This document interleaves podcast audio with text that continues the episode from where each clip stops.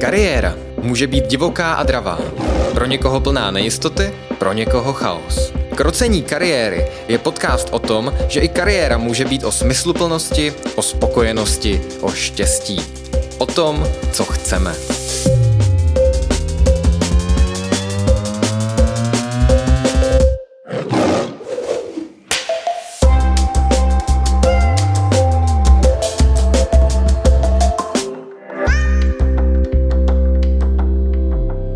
Mé jméno je Jaroslav Síkora a dnešním tématem je rozhodování. Se mnou ve studiu sedí už vám známý kolega Matěj Sapík. Ahoj Matěj. Ahoj Jardo.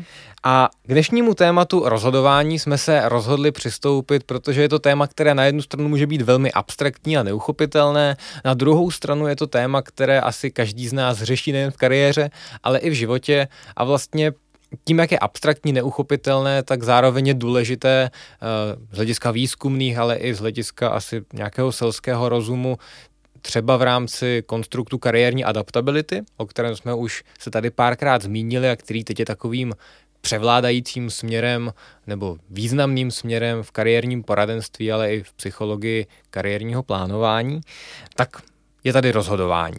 My bychom vám v tomhle díle rádi trošku představili, jak se nad rozhodováním, nad různými volbami dá jednak přemýšlet, ale vlastně, aby to nezůstalo u té abstrakce, tak jsme si řekli, že vám ukážeme i nějaké konkrétní techniky, které my sami rádi používáme nebo můžou být nápomocné v případě, že sami plánujeme nějaké rozhodnutí a tak dál. Zároveň bychom rádi upozornili, že ty věci nejsou tak úplně evidence-based na základě nějakých studií nebo výzkumných článků, protože ona ta technika, které budeme probírat v, půlce, eh, v druhé půlce tohohle dílu, tak jsou většinou takové malé faktory, které se statisticky alespoň velmi blbě vyhodnocují a najít tam nějaký efekt, ať už v dlouhodobém měřítku nebo i v tom krátkodobém, může být docela statisticky náročné, takže to berte spíš jako takové naše typy, jak se k tomu tématu dá, uh, dá přistupovat.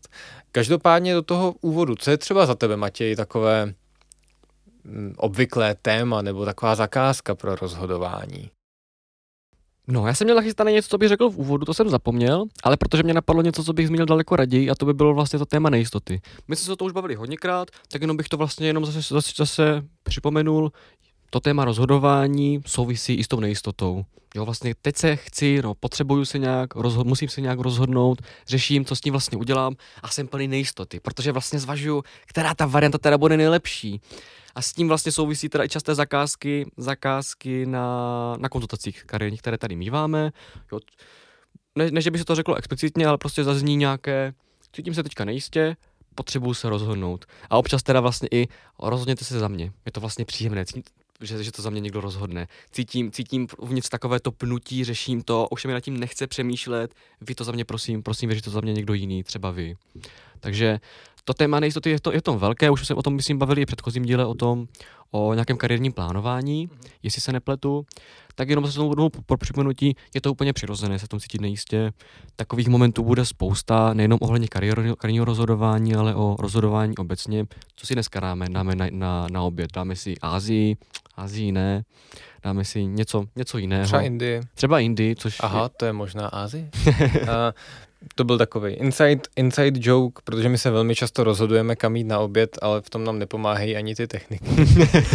a ta nejistota je vlastně super odrazový můstek, proč se rozhodováním vůbec zaobírat, protože ona rozhodování většinou souvisí s nějakou volbou mezi nějakýma možnostma a ono je to zkrátka pro ten lidský mozek, možná pro celého toho člověka v nějakém kontextu takové nepříjemné, protože vždycky, když se rozhodneme pro něco, tak máme ten dojem, že to druhé tak nějak ztrácíme, alespoň v tom daném okamžiku a může tam eh, vznikat na nějaké pnutí. Ale říkám si, že když už ten člověk vlastně přijde aspoň na tu konzultaci s tou zakázkou, ať už je to nějaká skrytá zakázka, tak se rozhodněte vlastně za mě a poraďte mi, co mám dělat s tím svým životem, a nebo je to jenom uh, já jsem tady, jsem nejistý a potřeboval bych nabrat jistotu třeba tím, že vy mi řeknete, co mám dělat, tak je tam super jedna věc. Ten člověk už si tu konzultaci zarezervoval, nějak si ji domluvil a to znamená jednu podle mě pro rozhodování zásadní věc, a to je zpomalit.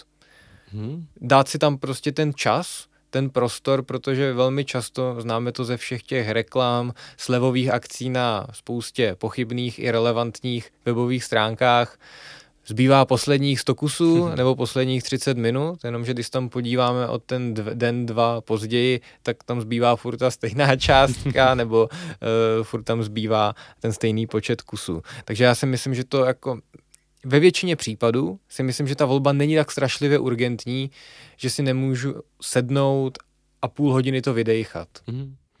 Jo, je to vlastně, jak, jako to mluví, tak si říkám, že by se zasloužil zmínit i emoce. A právě v takových situacích tak víc rozhodují ty emoce než nějaká racionalita.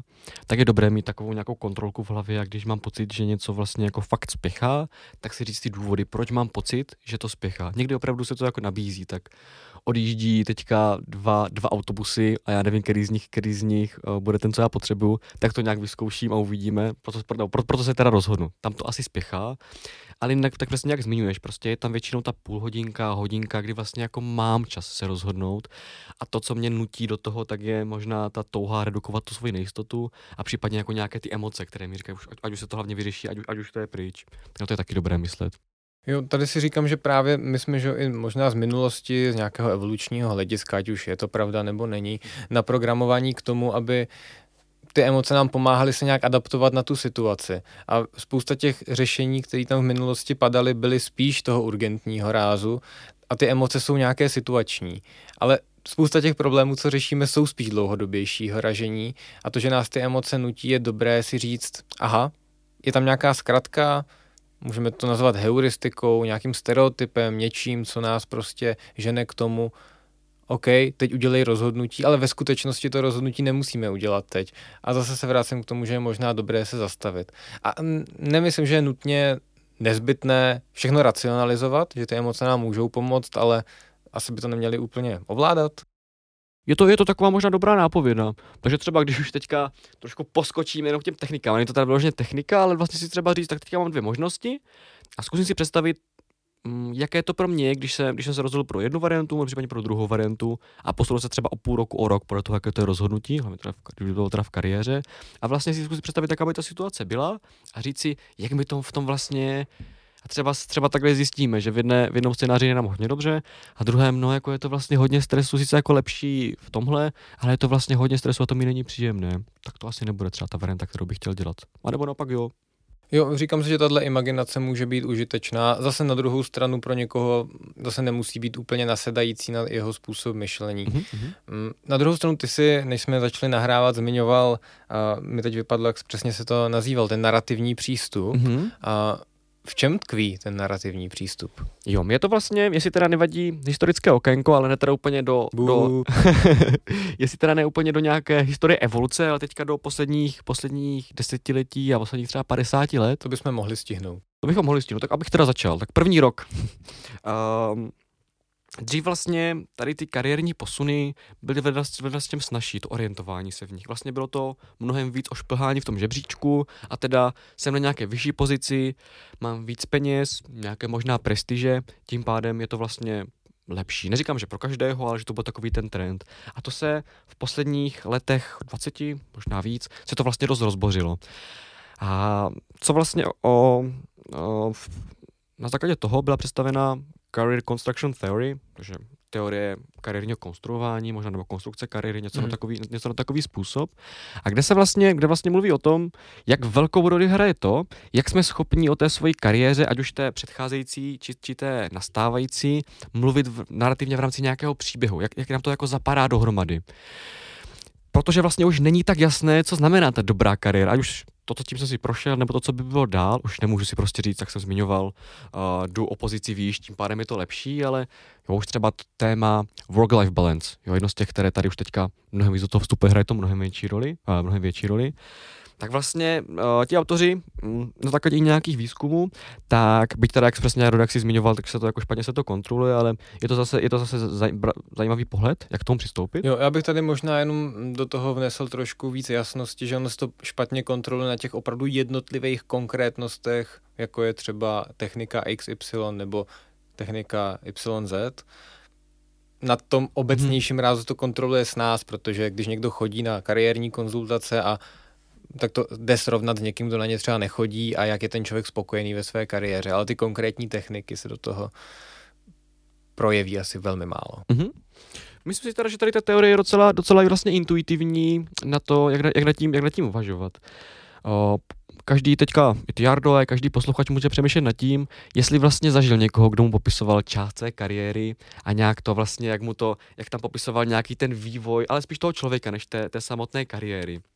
Mně napadá třeba situace, že někdo teda postupně v té kariéře tak nějak stereotypně nebo jako historicky jakoby rostl, pak teda šel třeba na manažerskou pozici, pozici do, do korporátu, takže víc peněz, ale i víc stresu, zjistil, že mu to moc nesedí a tak vlastně z toho korporátu odešel do nějakého třeba startupu. A že mu to vlastně, jakože ve finále má třeba méně peněz, není to jako zase tak velká pozice, ale cítí se v tom mnohem, mnohem líp. A tady vlastně už máme nějaký ty základy té, toho vlastního příběhu, jak to ten člověk může popsat a jak mu to jemu samotnému zní dobře. Co myslíš, Jardo, jak ti to zní? Mm, mi to, mi to dává vlastně smysl i v tom, že pokud se tahle věc použije, ať už ji vyprávím tomu kariérnímu konzultantovi, psychologovi, terapeutovi, kamarádovi, komukoliv, tak klidně mě oprav, jo? já nemám ten směr tak, uh, směr tak najetý, ale uh, že pokud ty věci vyprávím pozitivně a snažím se tím pádem klidně trošku falešně udržet si pozitivní sebeobraz, tak to může být nabíjející energií, může tam být nějaký důvod k tomu si hledat, co mě teda sedí, co mi třeba může pomoct v tom rozhodování. To je potom třeba nějaké téma hodnot, o kterých určitě budeme natáčet nějaký díl, ale um, že mi to může vlastně pomoci. A že potom, i když to vyprávím někomu ten svůj příběh, ať už včetně minulosti, nebo jenom jak bych chtěl, aby ten příběh vyvíjel do budoucnosti, tak mi to může pomoct skrze takovou v úvozovkách projekci, co bych já vlastně chtěl a my jsme se o tom povídali před nahráváním, že vlastně známe třeba techniku, co by mi teď v tuhle situaci poradil můj kamarád a že tam se dá aplikovat vlastně podobně a záleží zase na vás, co vám třeba víc sedí. Chápu, že ta technika, co by mě poradil kamarád, může být lepší, když se vás někdo zeptá, takže já bych se tě zeptal tebe, Matěj, kdyby, když teď máš před sebou volbu eh, pokračovat na kariérku nebo zvolit nějakou jinou cestu, tak co by ti poradil v té situaci Matěj neodchází. Mhm. Ale co, co by ti poradil v ten moment uh, třeba tvůj kamarád, hm, nechci se jmenovat jako tvůj kamarád, ale nějaký, nějaký tvůj kamarád.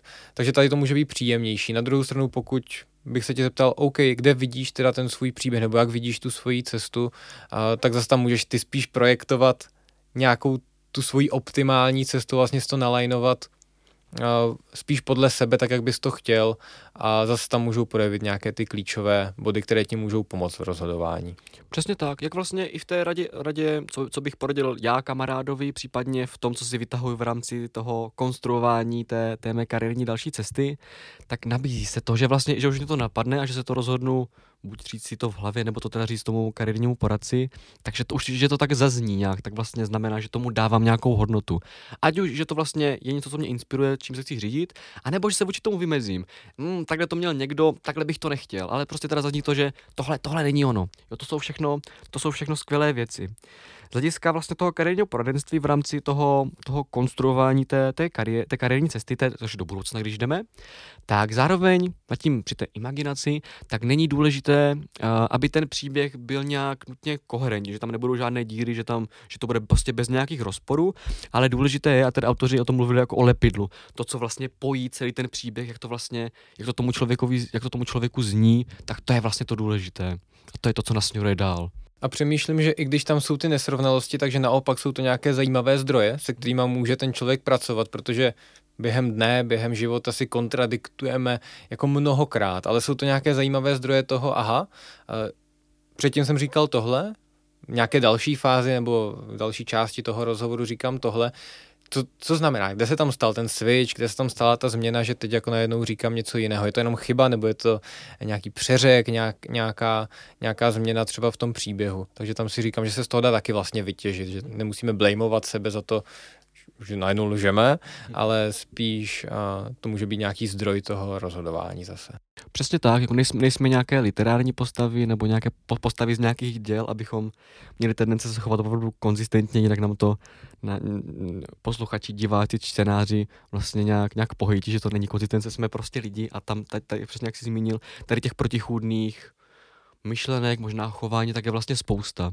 Jo, ale přesně jak říkáš, neříct si, tak to je nějaké divné, ale říct si, co to teda vlastně znamená, že jsem si myslel tady tohle, teďka mě si vlastně myslím něco jiného, co se tam stalo.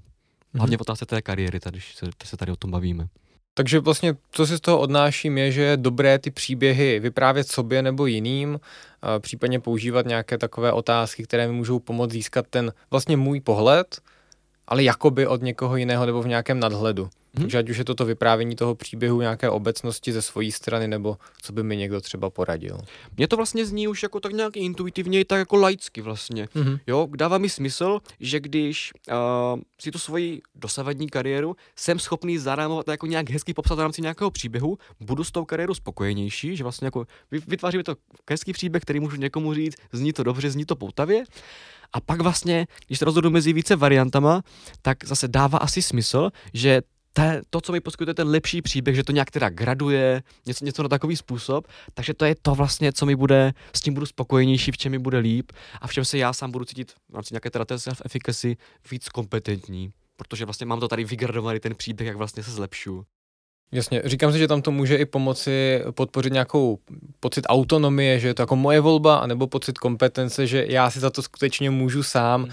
že se mi daří třeba naplňovat ten příběh, anebo že když se mi ho třeba nedaří naplňovat tak, jak jsem si ho vysnil, tak jsem ten já tím hybatelem, který ho může nějakým způsobem natvarovat. Podobně, když, když se vlastně objeví nějaká překážka, tak jakože jasně nikdo nechceme tady mít nějaké výrazné překážky, ale říkám si zase, tady ten rámec toho, hm, mám tady ve tom svém životním kariérním, životním příběhu nebo kariérním příběhu, mám tady nějakou překážku a teďka co s tím vlastně udělám, tak to, když to, teďka, když, když to představu za sebe, když to zarámuju s tou překážkou, co před sebou mám, kterou jako překonám, jak to bude vypadat dál, tak mi to taky vlastně zní mi to super a mnohem líp se mi to snáší, než prostě, a ah, mám tady překážku, co s tím vlastně budu dělat. Mm-hmm. My jsme tady zmínili hrozně moc témat, které se toho rozhodování můžou týkat. Jenom abych tady jako dal nějakou sumaci, protože myslím, že tenhle díl nemusí být nutně zarámovaný jenom kariérním rozhodováním, že ty věci jsou aplikovatelné do spousty různých směrů, takže jo, je tady nějaké kariérní rozhodování, ale i rozhodování obecně, jestli chci jet na dovolenou do Itálie nebo do Irska, cokoliv. Souvisí to hodně úzce s plánováním, protože vlastně to plánování, pokud máme důvod plánovat, tak předpokládáme, že tam budou nějaké ty rozhodovací uzly a tím pádem zabývat se tím, že plánuju práci, diplomku, koníček, život v obecnosti nebo třeba jenom tu dovolenou, ale říkám si, že tyhle techniky, které tady za chvilku chceme představit, můžou být hodně užitečné třeba i pro vedení porad, protože uh, ty uzly toho rozhodování se objevují i tam a jak jsme teď řekli, může to zkrátka podpořit to, že ti lidi, kteří si to vymyslí, nebo kteří jsou necháni si to vymyslet, v případě, že jsou třeba podřízení, tak najednou se jim může zvýšit třeba motivace vůbec do toho jít, cítit se v tom dobře, protože zkrátka byli ti, kteří byli u toho vymýšlení a můžou se cítit, že to mají víc ve svých rukou. Mm-hmm. A je to vlastně jako nějaká struktura, o kterou se můžou opřít. Jo, je to vlastně ne, že teď, jak jsi zmínil na těch poradách, že tam je to vlastně taky zní jako dobré využití, ale že se mám vlastně o co opřít. Tady to je jako nějaký daný postup, nějaká daná technika, pojďme si to vyzkoušet, uvidíme, jak to bude vypadat a mám se vlastně o co opřít, než to tak vymýšlím on the spot. Mm-hmm. Tak jo, aby jsme jenom uh, nepovídali, tak bychom se mohli dostat teď k těm konkrétním technikám.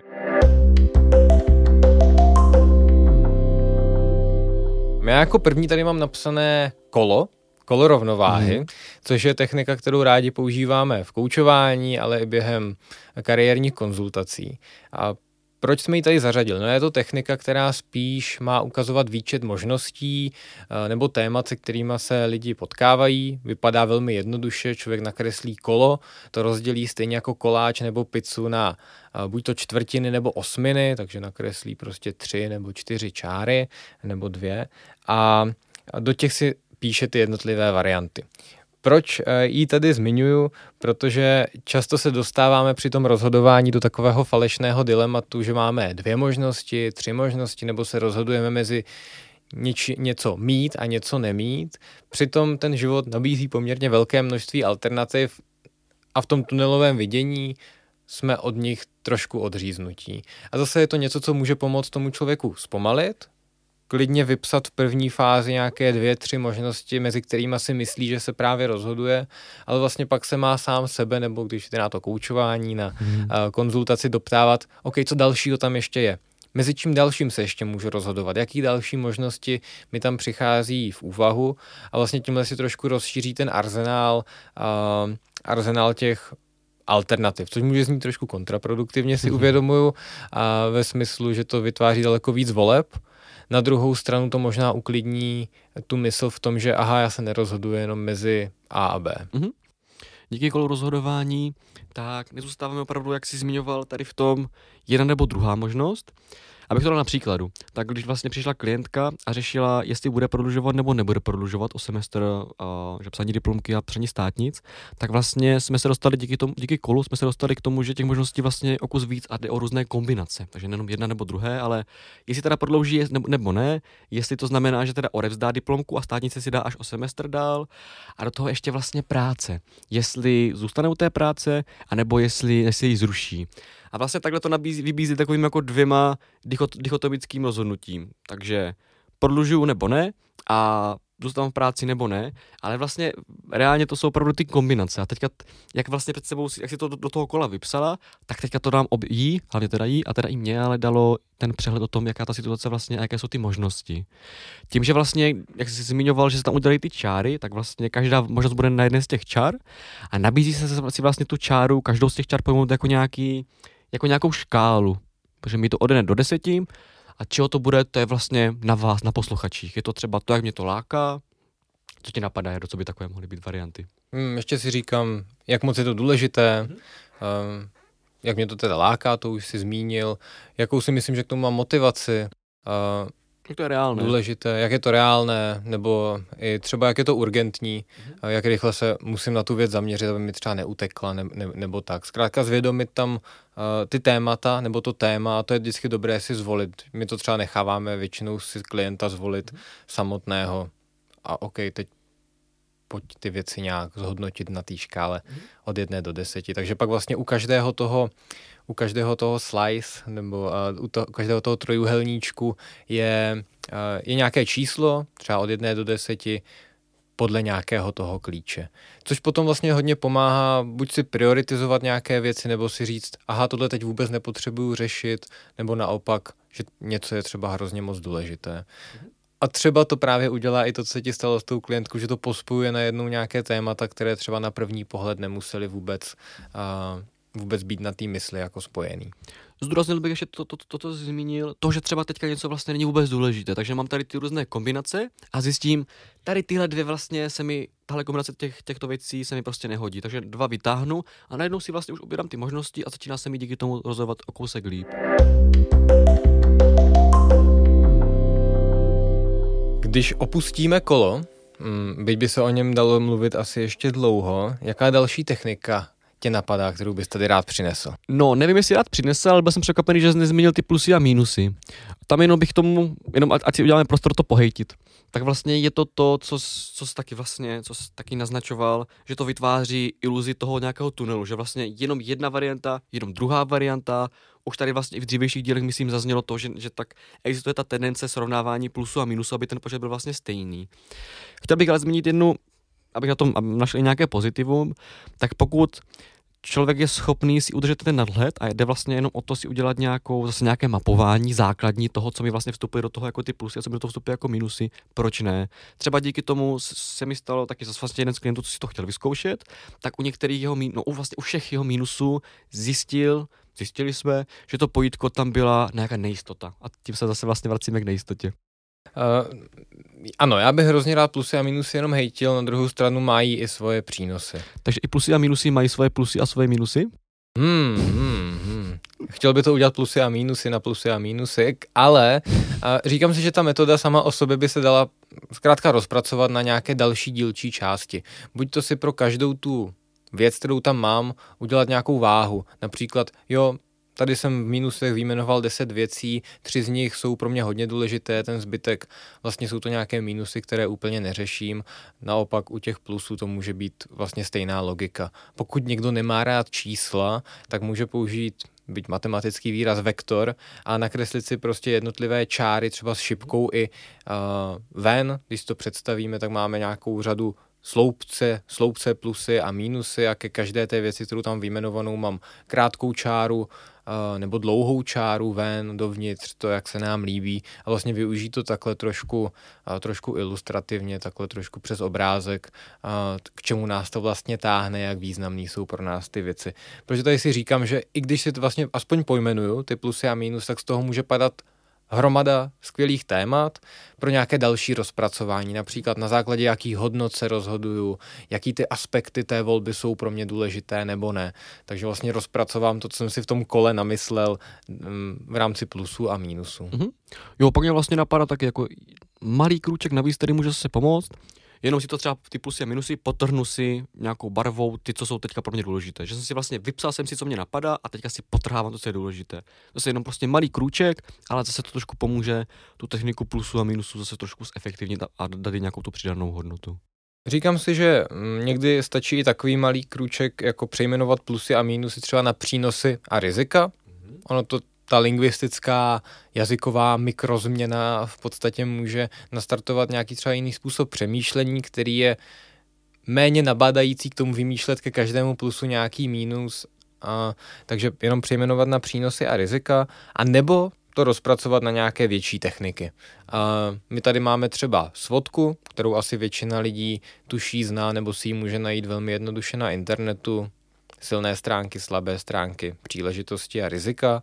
Um, nemusí to být jenom vždycky u rozhodování, tahle technika, ale uh, může nějak na pomoci eliminovat takový ten efekt těch plusů a mínusů, že dělám jenom dlouhý sloupec, a, ale udělám nějaké čtyři kvadranty, které jsou třeba taky obsáhlé, ale třeba ne tak moc. Mm-hmm.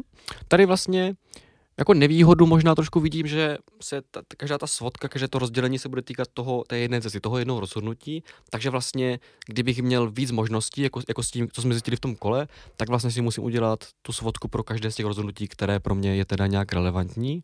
Ale co jako to neberu jako nějakou stinnou stránku, jenom s tím je teda potřeba počítat. Ale když, to je, když se rozhodnu mezi dvěma věcma, zůstanu v práci nebo půjdu tady tohle, tohle karenní dráhou, tak na to si to vlastně můžu vyzkoušet.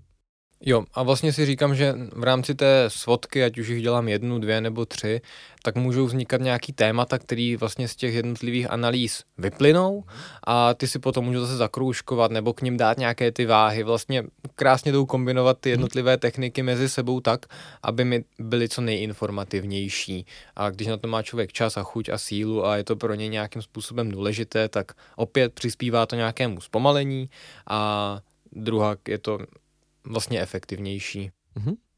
Jo. Trošku vlastně možná blízký blízký ty té svoce minimálně tím vizuálním zpracováním, tak by bylo opět takové dělení vlastně na čtyři, čtyři kvadranty, na čtyři, čtyři části. A teďka třeba zase, když zůstanu u toho, že teda ale musím myslet nějaký příklad, který nezní, že se mě to, že se mě to nějak týká. tak řekněme, že pracuji na rektorátu a přijde mi nabídka z krajského úřadu. A teďka se rozhodu teda, jestli do toho půjdu, nebo jestli do toho, jestli do toho nepůjdu. No, a jedna z těch možností teda je, takže to rozhodování je, jestli teda půjdu na ten krajský úřad, anebo, anebo ne. Takže si vlastně rozepsat, uh, když to udělám, je jedna řada, když to neudělám, je řada pod tím.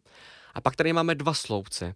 Jeden sloupec je, co se stane, a druhý sloupec je, co se nestane. A to nám vlastně vytvoří ty čtyři kvadranty, ty čtyři boxíky. To se hezky ilustroval. Děkuju. Um, s čím to vlastně může pomoct, takže vlastně zase, zase pro nějakou té svodky zvážím zase ty různé varianty.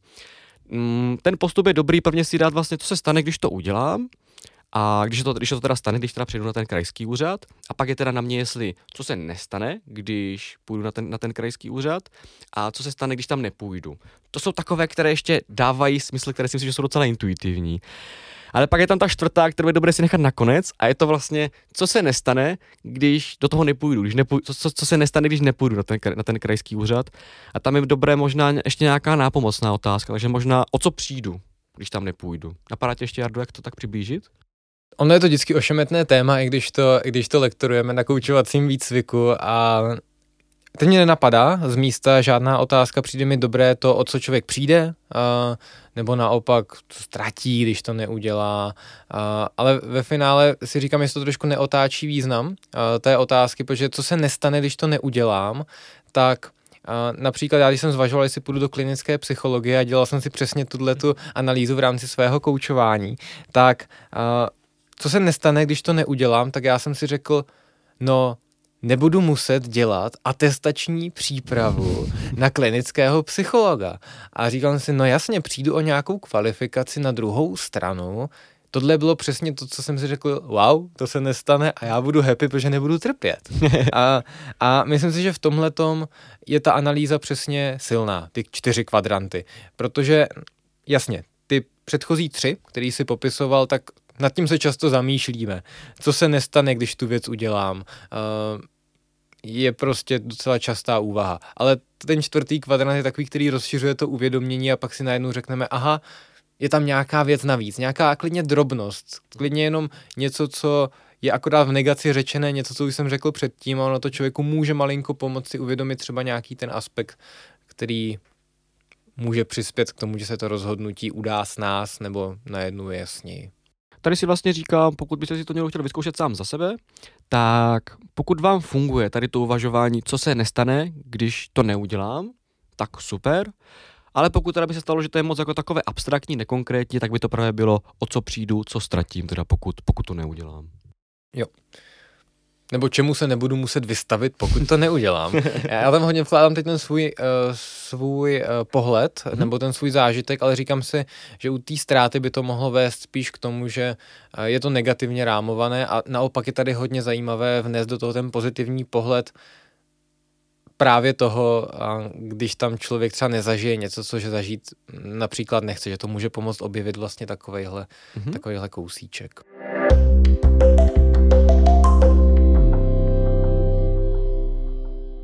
Můžeme teda si přejít další technice? Můžem. Mám tady ještě dvě v rukávu. Jedna taková víc imaginativní a jedna je víc založena na hodnotách. Co ti přijde teďka Jardo vhodnější? Imaginativní. Imaginativní. Tak, je to vlastně taky to vychází teda z koučování a věřím, že to není úplně něco pro tebe cizí. no já jsem zvědavý, čím mě přiučíš. A jde teda vlastně, když to teda vezmu hodně v rychlosti, abychom, abychom to nějak stíhali, ale vlastně ten způsob, té techniky, jak, nad tím uvažovat. Takže vlastně jde o několik postupných úrovní, kdy si snažím představit nějakou tu svoji budoucnost. Takže vlastně je to zase konzistentní i s tím, i s, i s tou teorií toho, té vytváření, vytváření si toho příběhu v té, v té kariéře. Takže nejprve, nejprve by vlastně bylo nějaké to zasazení. V jakém, kde teda jsem časově, jsem tady někde v budoucnosti, ale v jak moc daleké budoucnosti jsem. A jedno z toho by bylo teda, na jakém místě se nacházím. Je to nějaká kancelář, jsem někde v přírodě, pokud jsem v kanceláři, jak to vlastně, ale i v té přírodě, jak to vlastně okolo mě vypadá, které věci tam jsou, mm, možná mě ještě napadá, um, nejenom věci, ale případně jací lidé, jak, jak, jak možná jaké zvířata. To všechno vlastně, jak to fakt obecně znovu, znovu ještě zopakuju, jak to okolo mě vypadá a kde se teda časově nacházím. Takže to by byl, to by byl ten první krok. Druhý krok by byl, o, z hlediska teda toho behaviorálního, tak by to bylo nějaké to moje chování, jak ten můj den vlastně vypadá, co já vlastně přes ten den dělám. Takže i tohle si vlastně říct. Jo, obzvlášť v situacích, kdy si vlastně jako nejsem jistý, kam moc mířím, tak tohle může být hodně užitečné. Jo, že vlastně, takže teda vím, kde jsem, jsem v nějaké svoji krásné kanceláři, v horní patře nějaké budovy, mám okolo sebe i tu přírodu, hromadu lidí a tak dál, ale co vlastně dělám, tak to je to, co mě může, může nasměrovat. Když jsi v, horní pat, v horním patře a máš kolem sebe přírodu, tak musí být hodně vysoký stromy. To jo, to právě už, a to jsou ty karenní cíle, musíš, musíš vydat takovým směrem, aby, aby se ti něco takového podařilo naplnit. Dobře, dobře. A nebo mít dobré dobré kamarády, kteří to schopni zařídit. Pak by tam vlastně byly potom chování, ono to teda už se souvisí, tak by byly kompetence nějaké. Jaké znalosti, jaké dovednosti při tom svém každodenním životě v práci, no jako v práci, v každodenním pracovním životě, tak vlastně využívám. Uh, co tam jsou ty silné stránky, které vlastně využívám, co můžu využít, co se možná můžu hodit i v tom podnikání, pokud si vytvářím nějakou tady tuhle vizi. Uh, a teda tím, že to je v té budoucnosti, tak vlastně, co tam je teda jiného, v tom, co jsem se musel naučit nového, nějaké ty moje nové dovednosti, znalosti, které jsem musel získat. To je opět něco, co mě vlastně nasměruje, protože nemá cenu si dát iluzi, že když to tady je nějaká moje vize za tři roky, takže teďka to jsem schopný udělat. Ne, je, to, je tam fakt velká propast, kterou musím teda ne dohnat, ale na které musím pracovat. Takže i tohle si vlastně teda říct, to je to, co mi pak pomůže nastavit tady ty malé kroky, které pro to můžu dělat. A nebo na ní můžu pracovat, anebo si taky říct, že vlastně je to něco, co nechci. Mm-hmm. Nad tím přemýšlím, že tam najednou může do toho jako vlézt, uh, vlézt ty vidle a říct si, aha, já to chci vlastně jinak. Přesně tak, taky super, to vlastně jsem mohl taky určitě zmínit. V rámci té imaginace je úplně v pořádku si říct v nějaké fázi, a tohle vlastně není úplně pro mě. Buď jako celek, anebo tady tahle část. Jo, třeba potřebuji si teda najít nějaké známé, kteří disponují kancelářemi, které jsou někde vysoko, ale kancelářemi, které okolo sebe mají i vysoké stromy. Neříkám, že to bude snadná cesta, ale i, tako, i taková může být kariérní dráha. Jsi odhodlaný uh, se pustit na takovouhle dráhu? Ani moc ne, ale uvidím, kam, kam mě zanese, kam mě zanese, zanese kariérní dráha. Pak vlastně je ta, i tady je část teda nějaká, hodno, nějaká hodnotová. Opět jedno z těch trošku abstraktních slov, ale můžeme se bavit o tom, co to vlastně pro mě znamená, že už na té pozici jsem, um, co, a teďka to trošku taky, taky to není úplně asi intuitivní, ale vlastně z těch věcí, co tam vnímám, kdybych o něco z toho přišel, co by bylo to, co mi, co mi vlastně hrozně vadí, že, že, to, že to ztratím na, na tady té vizi té budoucnosti. Co tam pro mě na tom je to důležité. Možná zase i tak hezky ekologicky, co to přináší mě za ten jako nějaký příjemný pocit, čím to je přínosné a čím to je přínosné ostatním lidem, čím to je přínosné společnosti. Tak je jedno z těch kritérií, které pro ostatní jsou důležité. Tady si říkám, že u těch hodnot eh, zejména je zajímavé zjistit uh, právě skrze tu otázku, kdybych měl přijít o nějakou z těch věcí, třeba plácnu klidně peníze, nebo ten tu vysokou uh, úroveň v kanceláři nebo ty stromy, tak vlastně co pro mě znamená ztráta toho, že tam třeba nebudu mít dobrý tým, ale budu pracovat sám, tak vlastně analyzovat si i v sobě co to ve mně vyvolává za pocity, co to ve mně vyvolává za přemýšlení, protože když jako něco ztratím, ale vzdát se toho vlastně nechci, tak už je to pro mě zase nějaká nápověda toho, jakým směrem bych se mohl ubírat, aby hmm. se vlastně tyhle ty věci třeba nestrácely. Na rozdíl od situace, kdy mě to bude třeba jedno. Ehm, zpátky k těm hodnotám. Ona technika je velká, dlouhá, tak